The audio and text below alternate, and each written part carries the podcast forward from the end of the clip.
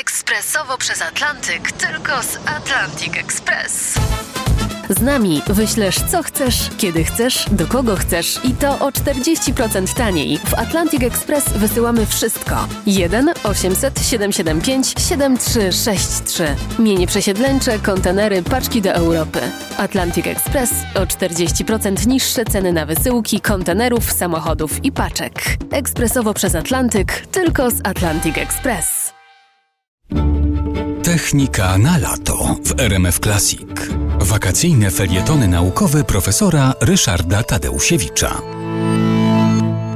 To, że subiektywne odczucie ciepła lub zimna da się też wyrazić liczbowo, zostało odkryte stosunkowo późno i co ciekawe, wynalazł to, czy powiedzmy zbudował pierwszy przyrząd do pomiaru temperatury Fahrenheit mieszkaniec Gdańska, urodzony w Gdańsku, żył potem, mieszkał w Hadze, ale w każdym razie no, był niewątpliwie Niemcem, nazwisko Fahrenheit wskazuje, że, że był Niemcem, natomiast miejsce jego urodzenia to właśnie Gdańsk.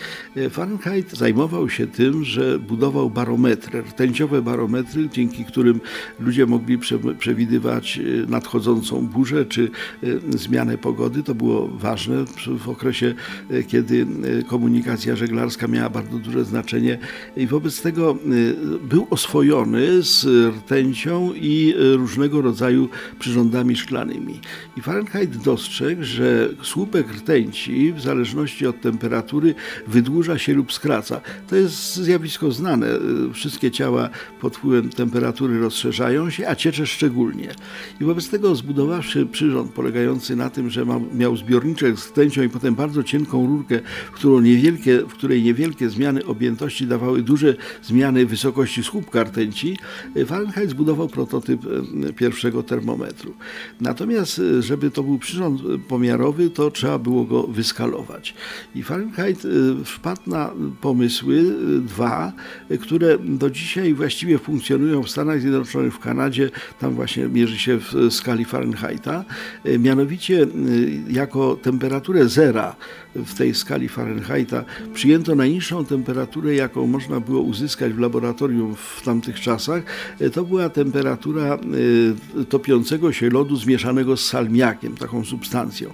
Ta temperatura to temperatura topienia tego lodu to jest około minus 17 stopni Celsjusza. Wobec tego 0 Fahrenheita to jest około minus 17 Celsjusza, no a z kolei 100 stopni Fahrenheita to była ciepłota ciała człowieka. I pomiędzy tymi dwoma punktami podzielono odcinek y, tego y, słupa rtęci na, równych, na równe y, punkty. Fahrenheit wynalazcą również tego, że, że nazwał to stopniami, no i w ten sposób zaczęto mierzyć temperaturę. Te punkty odniesienia były takie trochę dziwne. Kolejny twórca, Celsius, Aleksander Celsius, y, zbudował termometr opierając go na zjawiskach fizycznych bardzo podstawowych. Zero to moment y, topnienia lodu, czyli po prostu przejścia wody y, z stanu płynnego do stanu stałego lub odwrotnie i moment, czy powiedzmy temperatura wrzenia wody to jest 100 stopni. I wobec tego te dwa punkty wyznaczyły na znanym już termometrze Fahrenheita nowe zero i nowe maksimum. Podzielenie tego na e, równe odcinki dało stopnie i tymi stopniami się do dzisiaj posługujemy.